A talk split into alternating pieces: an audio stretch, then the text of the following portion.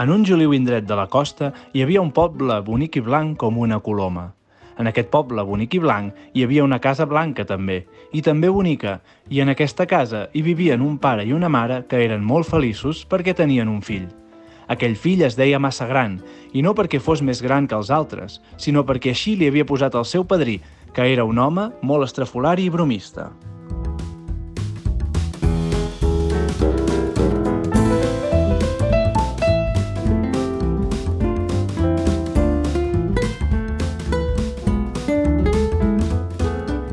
Sigueu benvingudes i benvinguts altra vegada a Tàndem. Comencem aquí un nou programa d'aquest podcast sobre literatura infantil i juvenil i mediació literària. Soc el Guillem, mestre, defensor de les biblioteques escolars i hobbit en potència.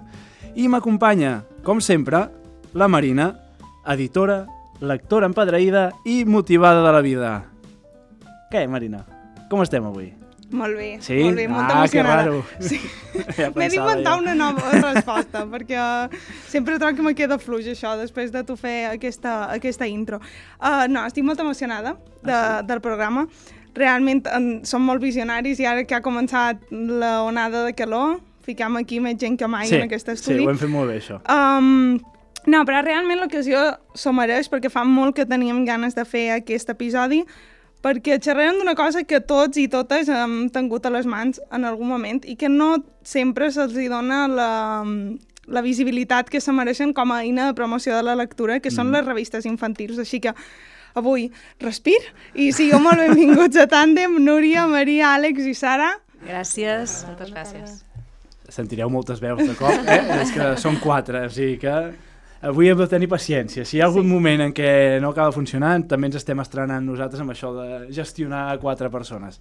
Ah, segur que ho faran molt fàcil, però, en fi, que us agraïm moltíssim que estigueu aquí. He d'anar girant el cap i això no estic acostumat, eh? Aquesta banda normalment no hi tinc ningú.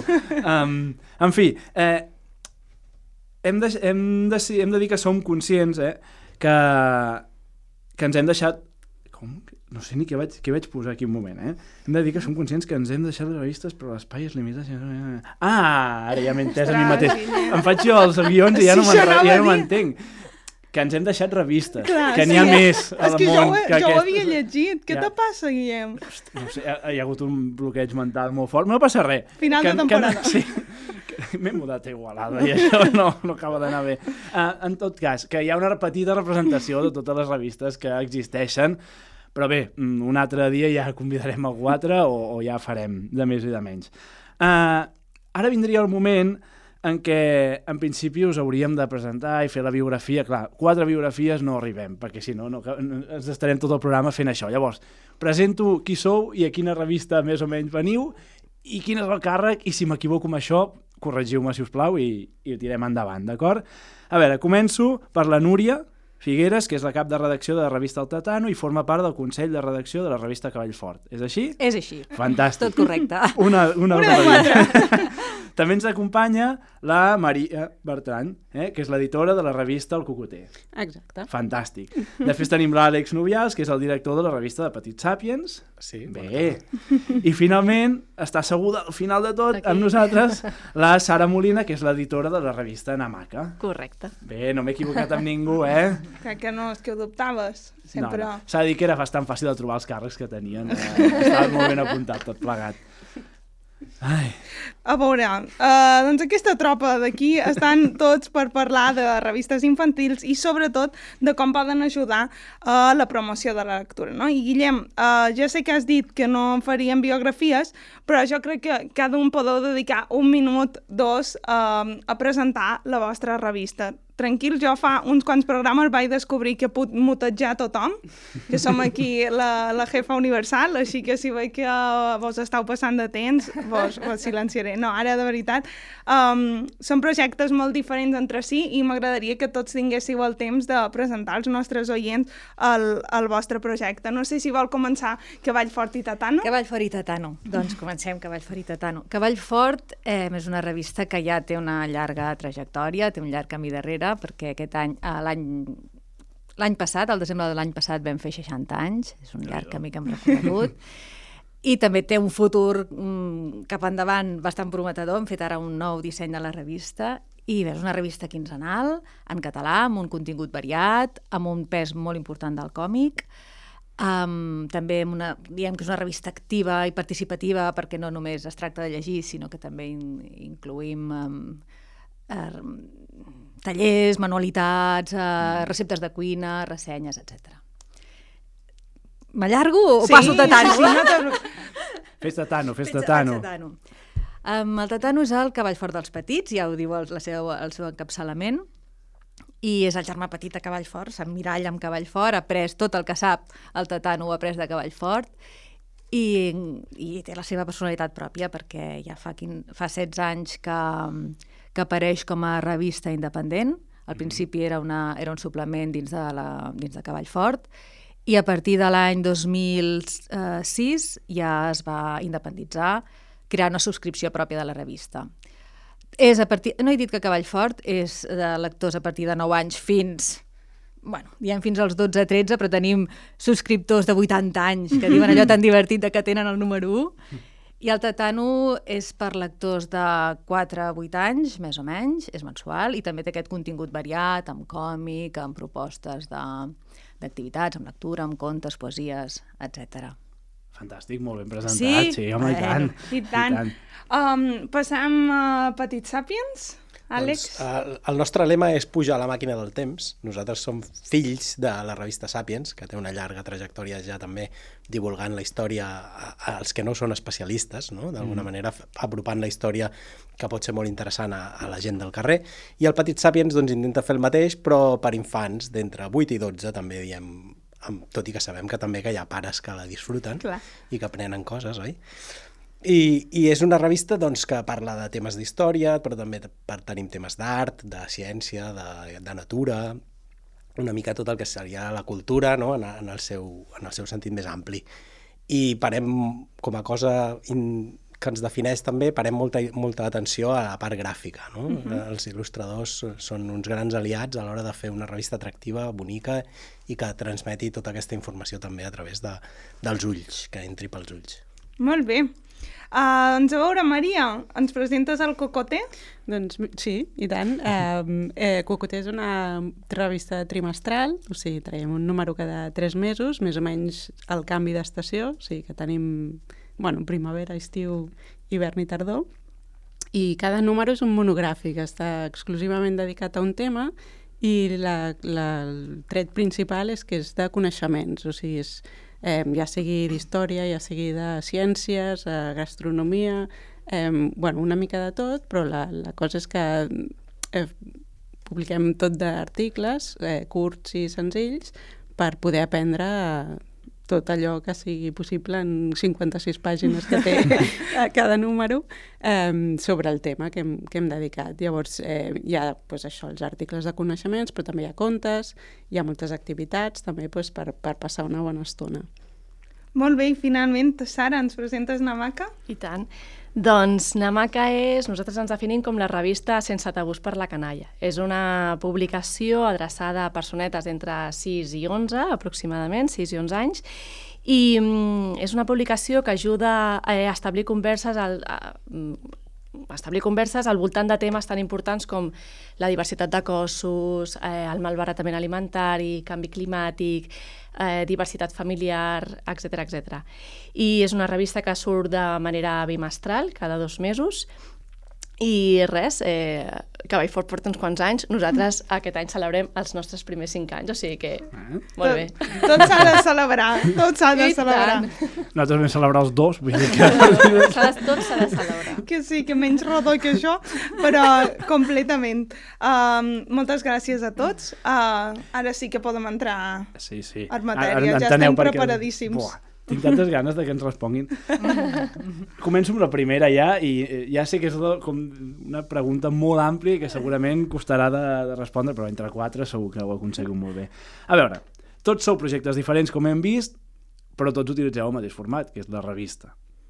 Llavors, jo us volia preguntar, què aporta de diferent la revista al món lector d'un infant? Qui comença? Ah, A veure, no sigueu tímids, eh? No me faceu fer això del. Jo, a veure, a veure, bueno, em llenço a la piscina Endavant. eh, i ja m'anireu ajudant. Jo crec que d'entrada el, format revista um, sí, en, en comparació amb un, amb un àlbum, en comparació amb un conte o amb un llibre, té una varietat de, de, de, de textos, no? Trobes diferents gèneres narratius, pots trobar contes, pots trobar poesies, però pots trobar còmic, que crec que uh -huh, totes sí, les revistes que estem aquí també també n'oferim. I aquesta varietat eh, a part de la, de, dels textos de divulgació, no? de, de, de l'apartat de gènere periodístic, que, que pot ser de tant un reportatge com una entrevista o, o una notícia, o un breu o un article. No? Jo crec que aquesta varietat, per, per l'univers lector d'un infant, t'obre portes, et, et fa eh, conèixer noves maneres de, de llegir un text i a la vegada tens moltes més oportunitats de, de triar un text, de, de trobar un text que t'agradi, de mm. trobar una lectura que, ai, doncs, que t'emocioni, no? que a tots ens ha passat que hem començat un conte i a un llibre i que no hi ha manera que t'entri, no? I que després n'has triat un altre i que potser tampoc l'has encertat. Una revista, doncs escolta'm, allà hi ha una varietat de d'informació i de temàtica que et, et permet aquesta, aquesta, bueno, aquesta possibilitat, no? Sí, jo, jo també penso bastant, bastant com tu, o sigui, aquesta possibilitat de, de poder-te presentar diferents, diferents gèneres, diferents textos, també eh, és el, el que deia la Núria, no? t'omple el ventall i, i així com un llibre, eh, si ets un lector que potser no, o no estàs acostumat, o un dia et fa mandra, o pel que sigui, doncs no, no t'exigeix aquest compromís que, que et pot llegir, eh, exigir un, un llibre, no? Clar, que sembla que el llibre te l'has d'acabar. La revista, escolta, si un dia sí. llegeixes una cosa i no. l'endemà te llegeixes una altra... O L'agafes, coses... la deixes, com, com, com bonament puguis, o i, i, i inclús pots repetir el tornar-te a llegir un reportatge o una entrevista, vull dir, Exacte. que em pots anar traient cosetes el teu ritme i, i el fet que sigui periòdica, que també és com l'altre gran tret d'una revista, doncs et va arribant, no? sobretot amb, a través de la subscripció, doncs cada X temps, cada quan sigui que, que es publiqui, doncs et va arribant còmodament i, i ho tens a la, bueno, a la porta de casa. I que l'infant, per una altra banda, també, quan, quan rep una revista, sobretot quan és subscriptor, que la rep de manera periòdica, eh, també eh, ja sap quines són les seccions i, per tant, encara que no, per exemple, no sé, una secció que hi hagi sempre un conte, doncs sap que ja sempre s'hi trobarà un conte, encara que sigui diferent.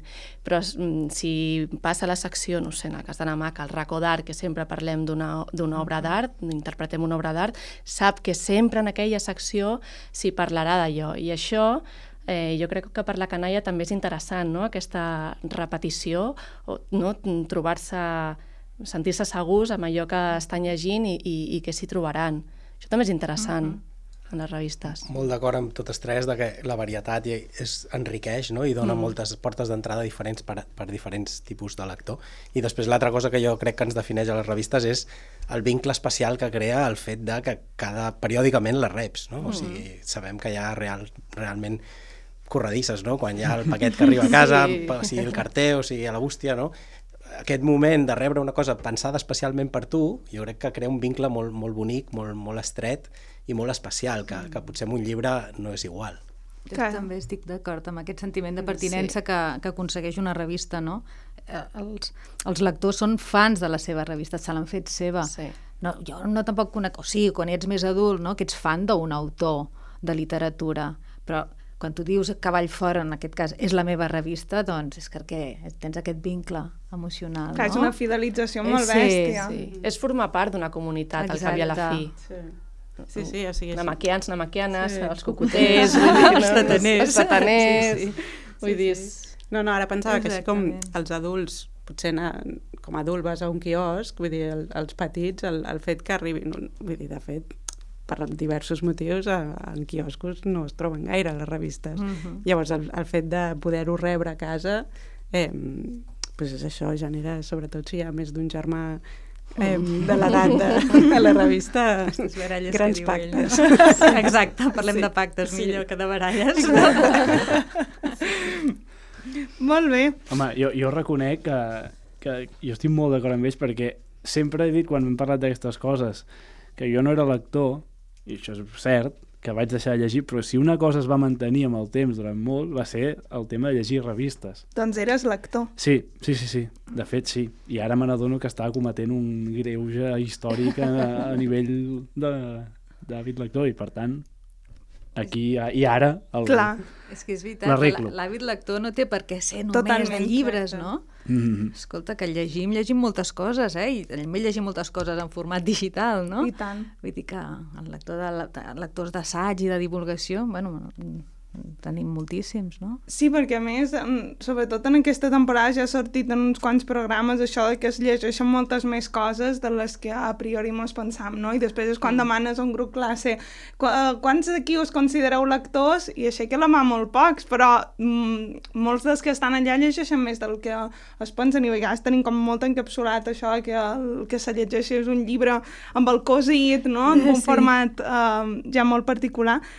Um, Bé, de fet, la segona pregunta ja l'heu anticipada bastant, perquè era el fet que siguin periòdiques i col·leccionables, penseu que és una de les causes de l'èxit, i ja veig que sí, han, han sortit la diversitat que ens ofereixen les revistes i, i aquesta fidelització m'ha agradat molt, aquest sentiment de comunitat que, que es crea al voltant. Ah, jo el de col·lecció més recordo allò anar-les posant pu, pu, pu, i, i, i que era un, un sentit d'orgull gairebé de poder-ho anar tenint tot, no?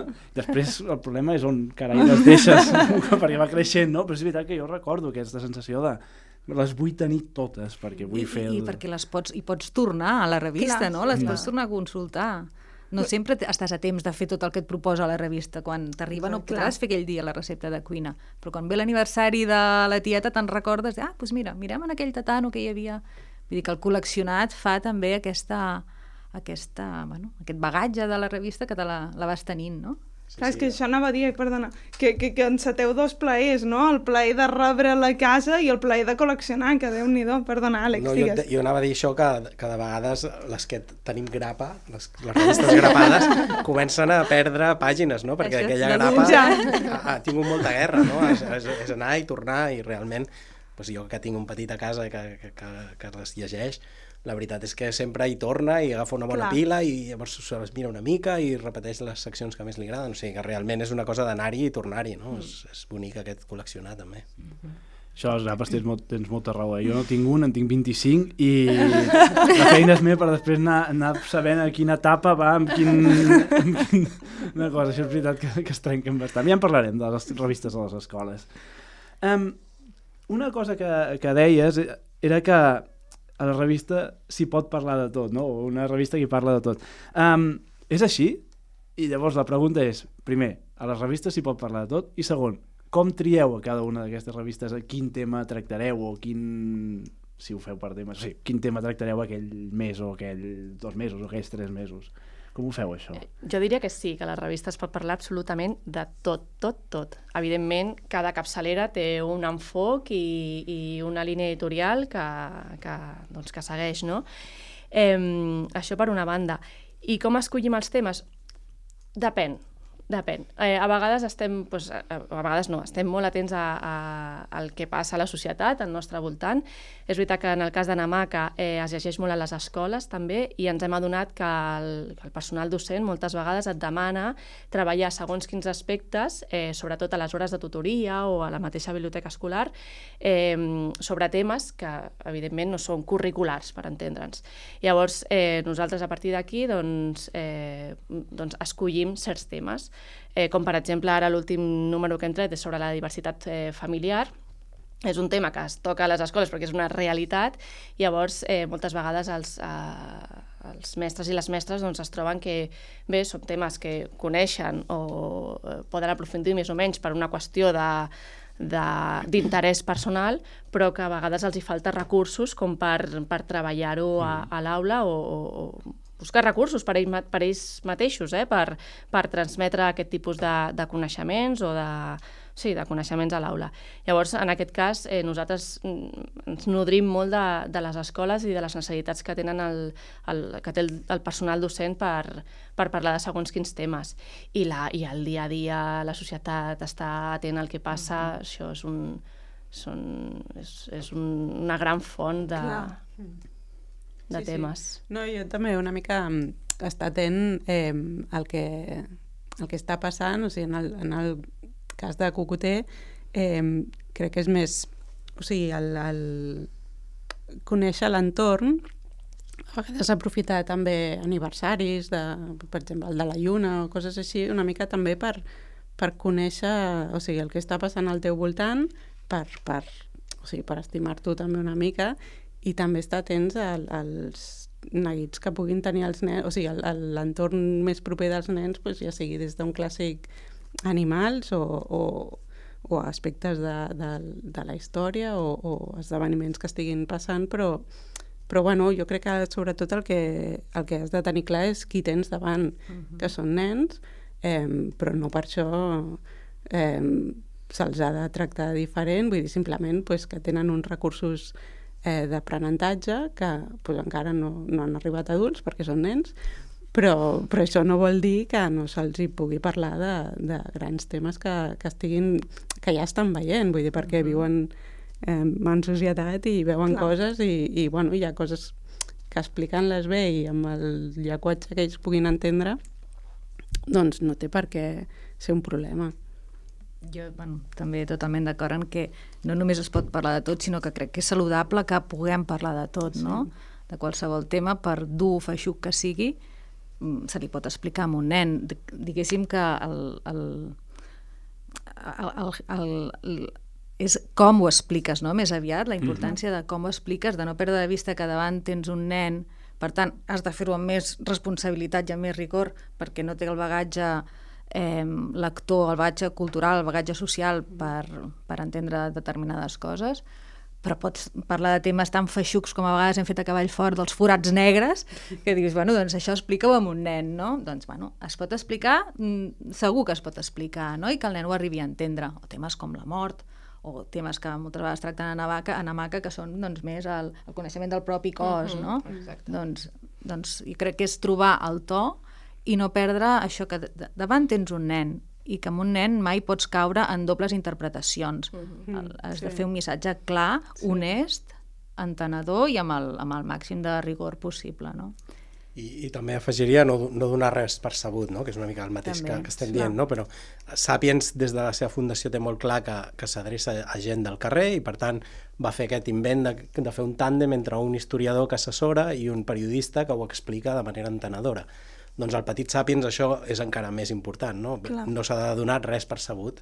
Tot el context que calgui per entendre una època o, o uns fets que han passat han d'estar molt, molt esmicoladets i, i, i s'hi ha d'arribar de manera natural, no? de, de manera que, que a vegades això és un, el repte moltes vegades és això, no? pues, la, a, a trobar l'enfoc adequat perquè aquella persona petita però amb totes les seves capacitats estableixi també vincles amb la seva realitat i, i es qüestioni coses i vegi pues, que, que coses complicades que han passat al llarg de la història tenen la seva explicació si l'entenem en el seu context. Clar. I a partir d'aquí afavorir el pensament crític i veure com, com, com parlem d'això, no? en família mm -hmm. o amb els mm-hmm. mestres o, o amb els avis o amb qui sigui, amb un adult que els hi doni un referent més ampli perquè ells puguin resoldre altres temes, diguéssim, de, de dilemes morals o, o, de, o de dubtes més seriosos que els hi pugui provocar aquell contingut.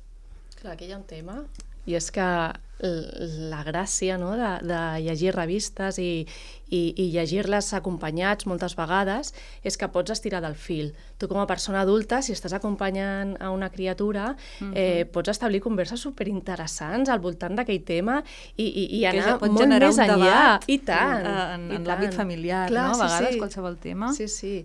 I això és molt enriquidor i jo crec sí, que, sí. ostres, aquí tenim una tasca de la que podem estar ben orgullosos. I tant.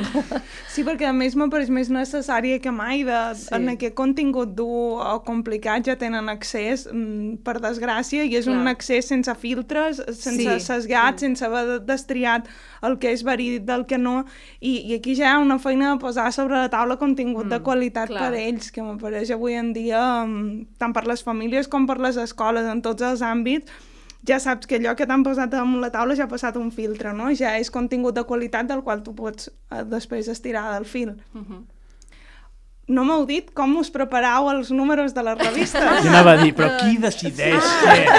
en el no, cas no de Cavall Fort, de, tant de Cavall Fort com del Tatano, tenim un consell de redacció, que són un, un òrgan molt important dins de, del, del funcionament de la revista, Eh, en tenim un per Cavall Fora i un per Tatano. El de Cavall Fora es reuneix doncs, moltes més vegades perquè el Cavall Fora és quinzenal. I és l'òrgan que llegeixen, llegeix les propostes que ens arriben a redacció, tria els temes que parlarem a la revista i això és quan parlem de quin enfocament donarem al, tema que finalment hem triat de, de parlar-ne. Que a Tatano també ho fem, potser és més a nivell de... no hi ha tanta divulgació en el Tatano, és més un consell de lectura, no? llegim els contes, els analitzem, els valorem, veiem si finalment els publiquem o no. I en el cas de Cavallfort, doncs així, es genera ja, abans de, de, de, de fer l'article, un debat en el mateix Consell de Redacció de veure aquest, aquest, com, com parlarem no? Del, de, de temes com i, i d'estar atents, el que deia la Maria, estar atents a la, a la, a la, a la societat. No? A la, no som una revista d'actualitat, però som una revista que estem atents Clar. al món que ens envolta. No? Mm. Ara, hi ha, eh, després de la pandèmia, ha pujat, ha augmentat els casos de, de problemes de salut mental en, en nens i en adolescents. Doncs, bueno, què podem fer des de Cavallfort? Com podem parlar d'aquest tema, no? Justament estem en unes edats en què encara podem parlar de tot. Després, segurament es tancaran més en banda, no?, en aquesta adolescència, que ja els arribarà la informació molt més a, a través dels amics. Ara és un moment en què és, és just el moment en què se n'ha de parlar, no? I bé, doncs el Consell de Redacció fa aquesta feina una mica de, de veure com enfoquem els, els articles. Nosaltres al Petit Sapiens fem més o menys la programació anual de 12 números, un, un cada mes, i mirem de que hi hagi doncs, de totes les èpoques, que hi hagi de, tot, de tots els estils de tema, no? una cosa més, doncs, si parlem en un de la domesticació del gos, doncs en l'altre parlarem d'una cosa més de guerra i en una altra cosa parlarem una, una vessant més social d'algun tema, de manera que quedi variat i que, i que vagi havent-hi totes les èpoques, totes les cultures, totes, totes les diferents expressions de, de la història de la humanitat. No? I, I en base a aquesta portada, que és, que és el tema principal de cada número, ho, ho amanim amb un parell o tres de temes petits que també, pues, això, que busquin la varietat dins del número. De manera que el, el, quan tenim tot, tot l'any eh, amb un, amb, relligat, diguéssim que, que ha quedat una cosa ben variada. Molt bé, i a més dèieu, comentàveu això de no som una revista d'actualitat, però, però tots heu comentat eh, precisament com és necessari escoltar-se al món. Clar, a més, eh, la revista, per força, per la periodicitat en què sortiu, sou un mitjà molt més útil que, que els llibres per parlar segons quins temes, perquè un llibre entre que el busques, si, si l'has de traduir o, o l'has de crear des de zero uh, i l'has de produir, clar, òbviament ja tot això tardarà molt més en arribar quan, quan mm. estem xerrant d'actualitat. No, i a més, et, bueno, no sé, potser ara m'equivoco, però el fet de tenir diverses seccions o diverses maneres de poder enfocar aquell tema et permet també trobar-li moltes més gràcies i moltes més angles que no en algun llibre infantil que ens hem trobat no? d'aquests de, de receptes i d'aquestes històries que hem parlat més, més d'una mm-hmm. vegada, no? també. Um, jo ara volia fer una mica de, de, de ficció i pensar, va, estem parlant que són molt interessants, que van molt bé.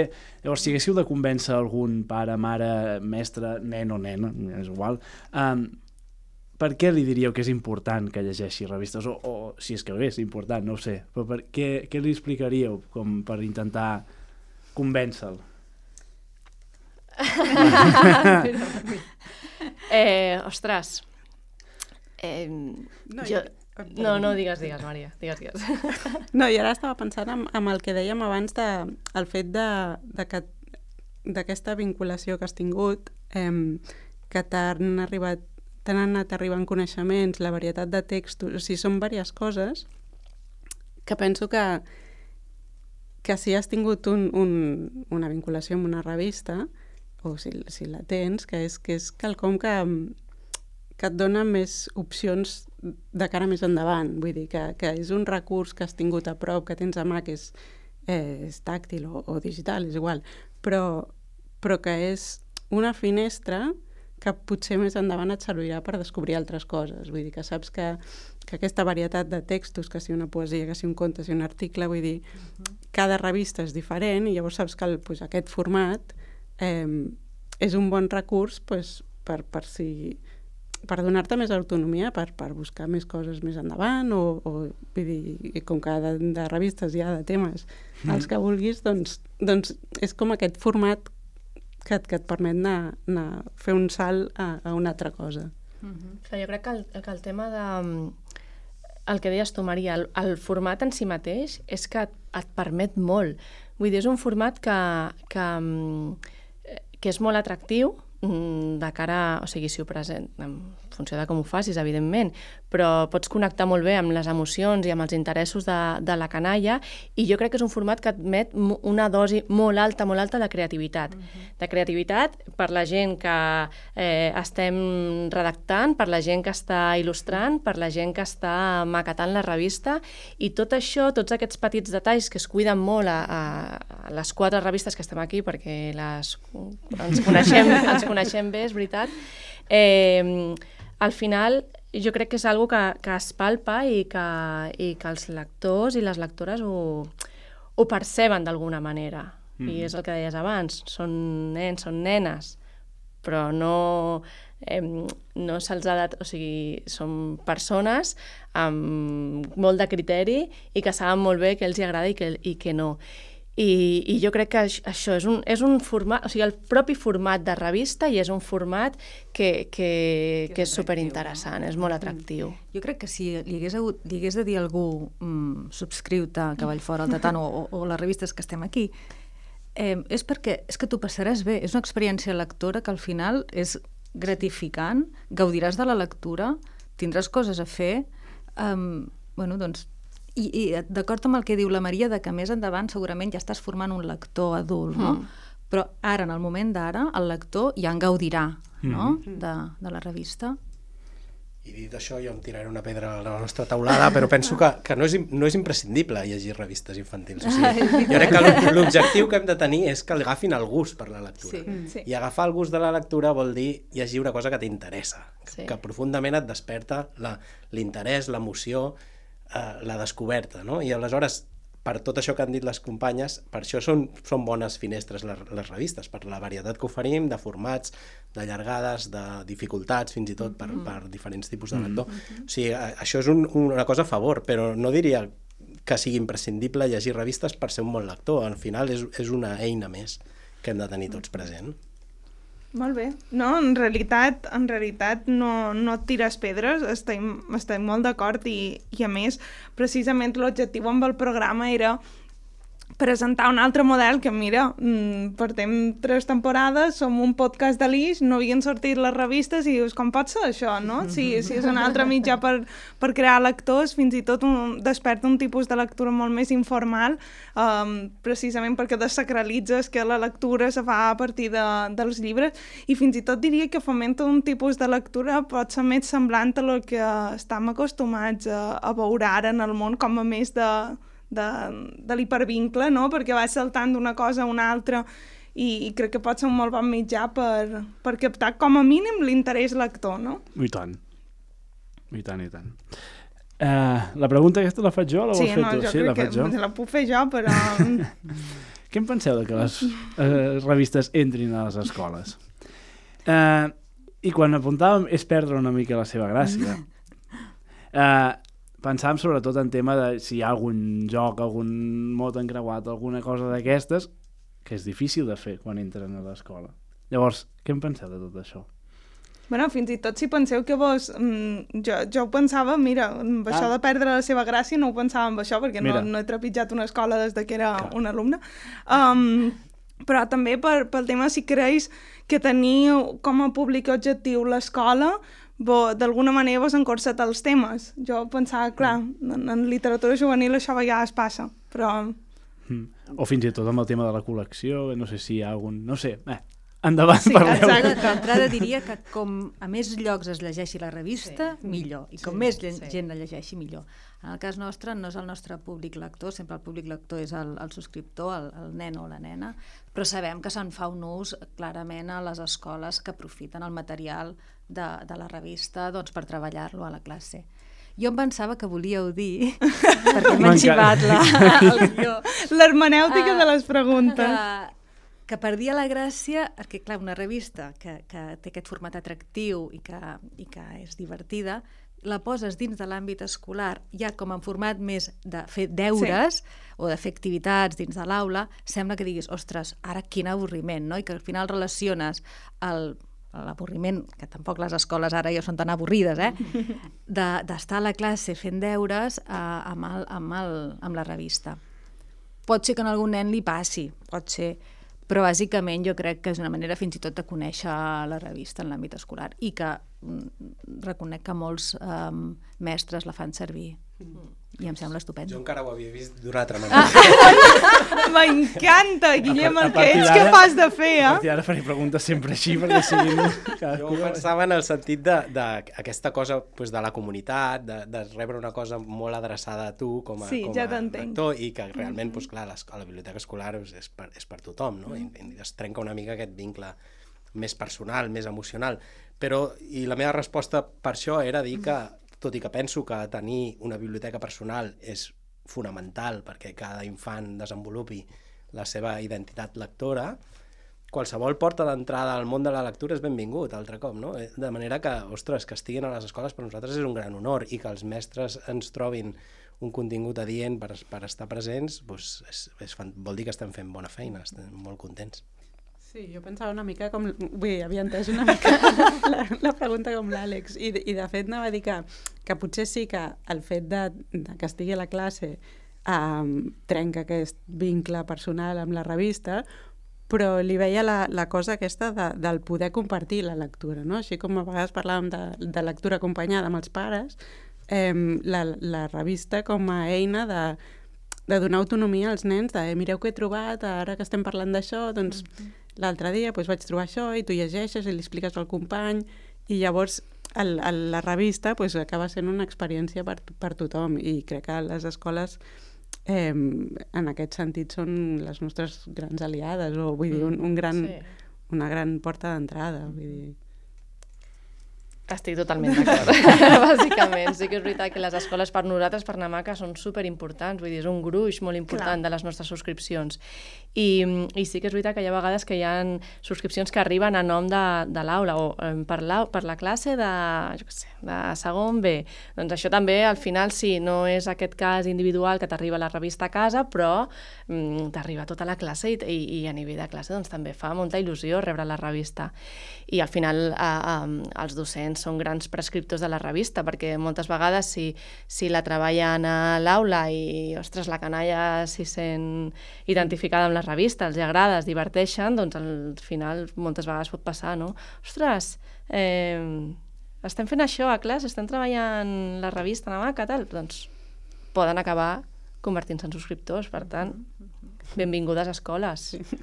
Sí, sí, això ha passat, eh? D'escola sí, no? de, passar a casa, això sí. jo ho he viscut. I quan no passa, supos que l'escola segueix mantenint aquest paper democratitzador de hi haurà famílies que per mm -hmm. recursos Exacte, o per desconeixement sí. no se podran permetre una subscripció a la revista i l'escola fa que, que aquest plaer pugui, pugui ser també compartit entre sí. tots els nens de, de l'aula. Mm -hmm. Ara, després hi ha el problema de que es trenquen. Ja.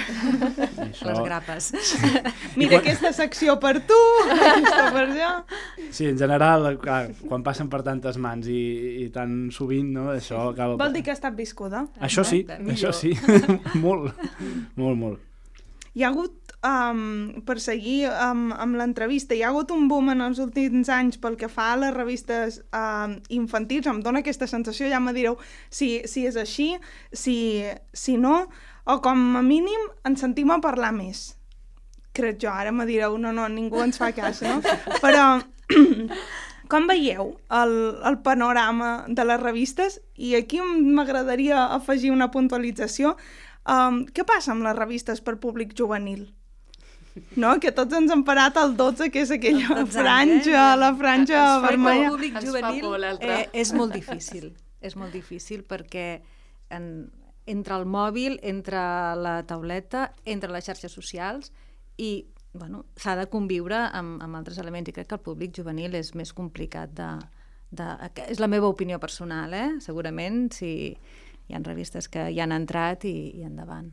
Jo crec que hi ha un boom de, de revista infantil... bueno, jo crec que no se'n parla més que, que abans, sinó que se'n parla poquet, jo crec, no? S'hauria de parlar més, és S'hauria de parlar de més parlar estem molt molt contents de, de poder de poder-ne parlar avui. I sí que últimament n'han sortit més de, de quan sempre, només hi havia Cavall Fort, 13 vents, doncs ara hi ha una varietat de revistes que s'estan consolidant i que, i que no han sigut flor d'un dia. Vull dir, són revistes que porten doncs, això, 4, 5 anys, i, i, bueno, i, que, i que fan el sector més fort. Jo tinc aquesta impressió, la veritat. No som com a, a França, que, que tenen un munt de revistes, d'infinitat de, de, de temàtiques i totalment um, per, per diferents edats, no? Aquí som menys, però bueno, escolta, anem fent. També som un país més petit. Som un eh? país més petit, exacte. Tenim el mercat que tenim. Exacte. Al capdavall, jo crec que amb el, amb el tema de la revista juvenil podria passar una mica això, no? És, és complicat editorialment mm -hmm. fer un projecte viable. Aleshores, en, en, en aquestes edats que ens movem, els que estem aquí, encara ens adrecem als pares directament, no? Clar. Diguéssim que Ja. ja la revista juvenil segurament tindria un altre tipus de, de consum i, Mhm. i segurament se'ns escaparia una mica més eh, poder construir, però seria interessantíssim poder-ho poder treballar i tant. Jo crec que és interessant també que, que hi hagi competència, I en el tant, bon sentit de la paraula. eh? i- Sí, sí. I, i, I ens fa més forts, no? Exacte, i quantes més revistes infantils, doncs benvingudes siguin. O sigui, al final vol dir que el, que Que el sector, tots, sí. sí. Sí, sí, però sí que s'hauria de parlar molt més de les revistes, evidentment. I, i, I més enllà de tàndem, que, que nosaltres estem molt contents de tenir-vos, però no sé... aquí, eh? Però, però programes generalistes, convideu-los, que són molt Sí, interessants. Sí, sí. No, no, o sigui, jo crec que bueno, el que dèiem abans, que també tenim una certa tradició, vull dir, que som, som pocs, però vull dir, sempre n'hi ha hagut, vull dir, des del patufet, l'època de, del TVO i Brugueres i tot això, sempre hi han sigut, jo crec que potser ara pues, sí que som uns quants més, però, però també els formats són diferents i vull dir, aquesta varietat també ha enriquit, Sí. penso, tot, tot el sector. I ja mirant, ara hem mirat una mica al present, mirant una mica cap a un futur, uh, quins diríeu que són els reptes de les revistes infantils d'ara endavant, diguéssim, si és que n'hi ha, que no ho sé. Aquesta pregunta era molt difícil, no? Era de nota, aquesta. Llista de reis, llista de reis. Per això les vam passar abans, perquè les reparéssiu. I a més posava opcional. Els hem deixat fins a l'últim moment sense saber si, si la faríem o no.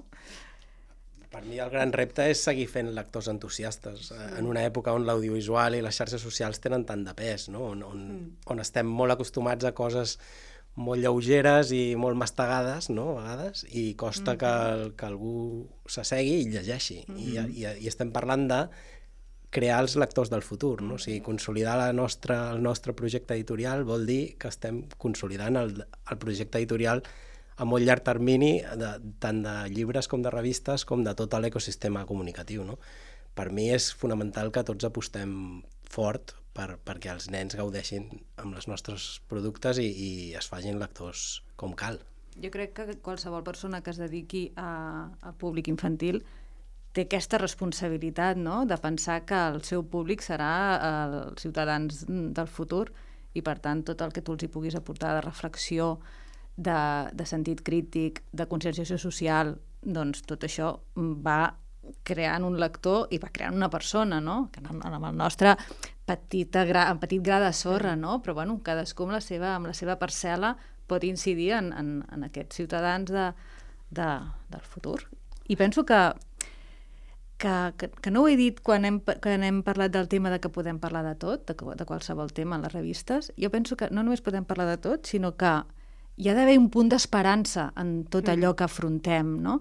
Perquè els lectors encara no són eh, éssers socials amb, amb dret a vot i amb capacitat de canviar les coses, per tant no els hi pots tampoc vendre que el món on viuen, que el món que els estem deixant, escolta, doncs que serà un desastre. S'hauran d'enfrontar a reptes complicadíssims que ni nosaltres mateixos sabem ara, de, de canvi climàtic i d'altra mena de problemes, i per tant tot el que pugui ser una, te- te- tenir una, una, un pensament crític, però alhora amb, amb, amb esperança de que, escolta, que el món no s'acabarà i que hem d'intentar doncs, em, transmetre la- la- l'optimisme no? I, i la confiança en, en, bueno, en el gènere humà. Que bonic. sí. I pensava en el que deia l'Àlex, vos imagineu que socialment se'ns reconegués aquesta responsabilitat? És que, clar, Oh, seríem, seria un- els, seríem els Seria no potser va un más. pes Molt, molt gros, Clar. eh? Sí, sí. No, jo també pensava en, en que, clar, vull dir, que, que el, el gran repte és, és sem sempre tenir present que els, el, el teu públic és nou, o sigui, és, és nou, vull dir, que, els, que van creixent i Clar. sempre en tens de nous i per tant sempre has d'estar, o sigui, com connectats amb ells, vull dir que si, si la situació canvia, si, si les noves generacions eh, pues, van per una banda, van per l'altra, vull dir, tu tens aquesta obligació o repte o el, el, com se li vulgui dir d'estar de, d'estar allà i d'estar atent a què necessiten o què, que, vull dir que crec que és això, o sigui, el, el no perdre de vista qui és qui tens davant o per qui, per qui publiques. Jo crec que també un, un dels grans reptes és, és mm, donar-nos visibilitat i, mm, i fer veure, bueno, ensenyar, no sé si ensenyar a mostrar a les famílies de les escoles que les revistes eh, estem al nivell o, o més que, que els llibres i d'altres propostes moltes vegades. I, de, i dir-ho sense complexes, perquè jo crec que al final el format de la revista moltes vegades és com una germaneta petita no, del llibre i, ostres, jo crec que és molt injust. Crec que és molt injust perquè es fan feines molt ben fetes, eh, revistes molt ben parides i, i moltes vegades, doncs, eh, no, a vegades costa fer aquesta subscripció o costa més fer una subscripció que comprar un llibre. Ostres, eh, que comprar llibres està molt bé, eh? jo compro molts llibres. Vull dir, no, no és anar en contra de res, al contrari, però és donar-nos una visibilitat que crec que a vegades no, no la tenim i crec que és injust i, i que l'hem de conquerir, aquesta, Clar que aquest sí. espai. Perfecte. Um, el programa no s'ha acabat. Llup. Jo ara vos deixo amb el Guillem, que comença les seves seccions.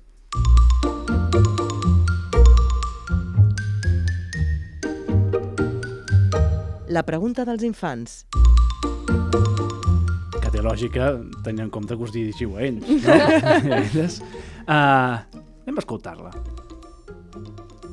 És fàcil trobar un, un nom a la revista? I, ja- I també com pots aconseguir que et deixin agafar un còmic i posar-lo dins de la teva revista? M'encanta lo concret de les seves preguntes sempre. eh? Doncs què, és fàcil trobar un nom a la revista? És una llista molt llarga i molt donar-hi voltes i molt consultar amb el coixí, però quan el trobes a Ho tope. saps. Sí. Sí, sí, totalment. D'acord amb la Maria. Molt difícil. Clar, perquè teniu... El petit va ser més fàcil. Va ser més fàcil. I a veure, el tema del còmic. Sí, com, com, ella referia com feu que els autors o les, aut- les Ah, autores pensava vulguin... que ell volia fer un còmic i volia publicar-lo en alguna revista, Bueno, això, no? no? Com, es- com, com s'aconsegueix que això, que algun creador o creadora vingui a, a fer coses per la revista? Jo crec que es pensa, ell es pensa que ja el fa el còmic i després vosaltres el poseu aquí dins. Com si publiqués el còmic abans i després el poseu aquí, no ho sé. Però per aquí anava la cosa? A veure, en el... tenim també còmics de tota mena, però tenim còmics que els fa um, un guionista i després un, un il·lustrador, i tenim còmics que, es fa, que el fa la mateixa persona. A Cavallfort rebem propostes eh, bastant contínuament per posar, per posar còmics de, de, de, de, bueno, d'autors d'aquí que volen publicar. Aleshores passen pel Consell de Redacció i si tenim lloc i espai a la revista, que a vegades també Mm. anem curs d'espai, i són de qualitat i ens agrada i pensem que poden estar bé pels nostres lectors, doncs bueno, arribem a un acord de publicació i, i ho tirem endavant. I si ell ens vol presentar alguna idea que ha tingut, doncs nos, nos la mirarem. És possible. Sí, sí, funcionem així també. O sigui, ens arriben propostes, les estudiem i, i aleshores tirem endavant amb una certa previsió i, i així, així neixen els còmics al Petit Sapiens també. Mira, ens, No sé si algú vol afegir alguna cosa. No, jo anava a dir que en el nostre cas sí que és veritat que moltes vegades també rebem propostes, però clar, com la revista, Clar, com la mà que té un tema en concret, clar. és un monogràfic, al final, clar, és molt difícil encabir-ho. Llavors nosaltres, el, en el cas del còmic que nosaltres publiquem a la revista, és una, eh, una comanda feta Clar. expressament a, a la persona que s'encarrega de- d'aquesta secció. També està bé tenir els dos, Ja dos. els dos models. Doncs, Guillem, en la segona secció.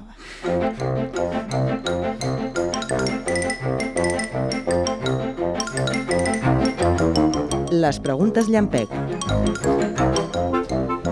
I avui hauran de ser més llampec que mai. Se t'ha girat feina avui, perquè eh? sou quatre i com triguem gaire, la cosa se'ns en va de mare. Uh, Re, pregunta i resposta rapidíssima. Sí? Com que sou quatre també tindreu temps d'anar pensant. A veure, primera pregunta. Digueu un personatge de la literatura infantil i juvenil que us caigui realment malament. I començo per qui? Vinga. per la Sara. Què? A no ser que algú A ho no ser que avui ja la tingui i pam.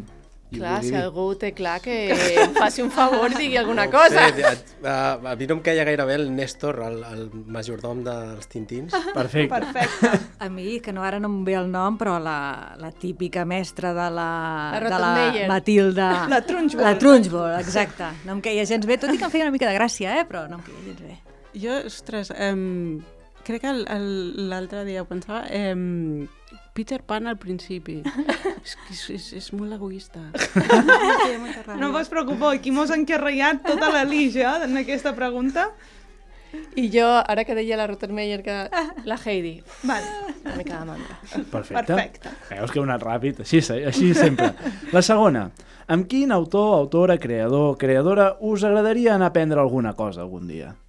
Viu o mort, és Ah, igual, eh, jo això. és mort, però jo m'aniria amb en René Goscinny de l'Astèrix, perquè, per favor, és la meva passió, i m'encantaria parlar amb ell, que segur que deu ser divertidíssim.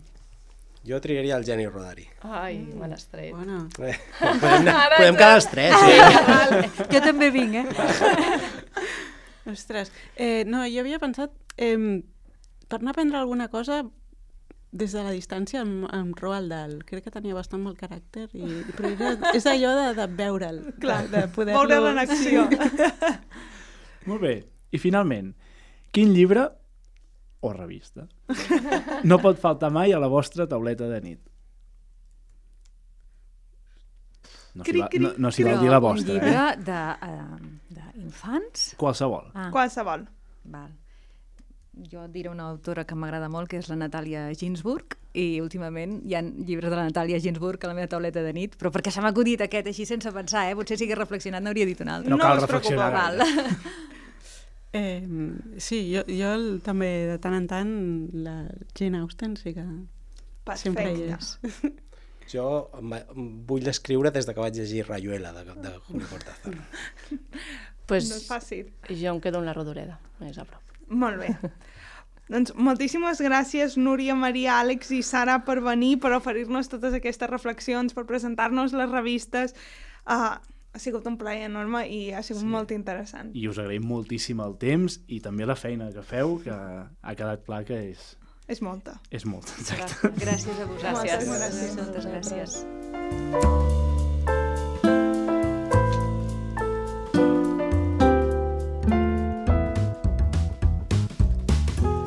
Si aquest episodi t'ha deixat amb ganes de més, en trobaràs totes les notes a tandemlish.cat.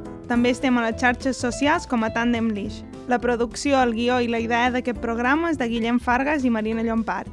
El logo i la identitat gràfica és de la Maria Mora. La magnífica sintonia és de Carlos Arjona. El disseny gràfic és de la Cristina Rubió. El culpable que el so d'aquesta temporada sigui una fantasia és el nostre tècnic Jordi Bartomeus i la responsable que ha fet que puguem utilitzar les instal·lacions de BTV és la Núria Ferrer. Gràcies a la Núria, la Maria, l'Àlex i la Sara, els nostres convidats, pel seu temps i les seves ganes. Finalment, gràcies a tu per la confiança. Gràcies per escoltar-nos i recomanar-nos. Així ens fas arribar una miqueta més lluny.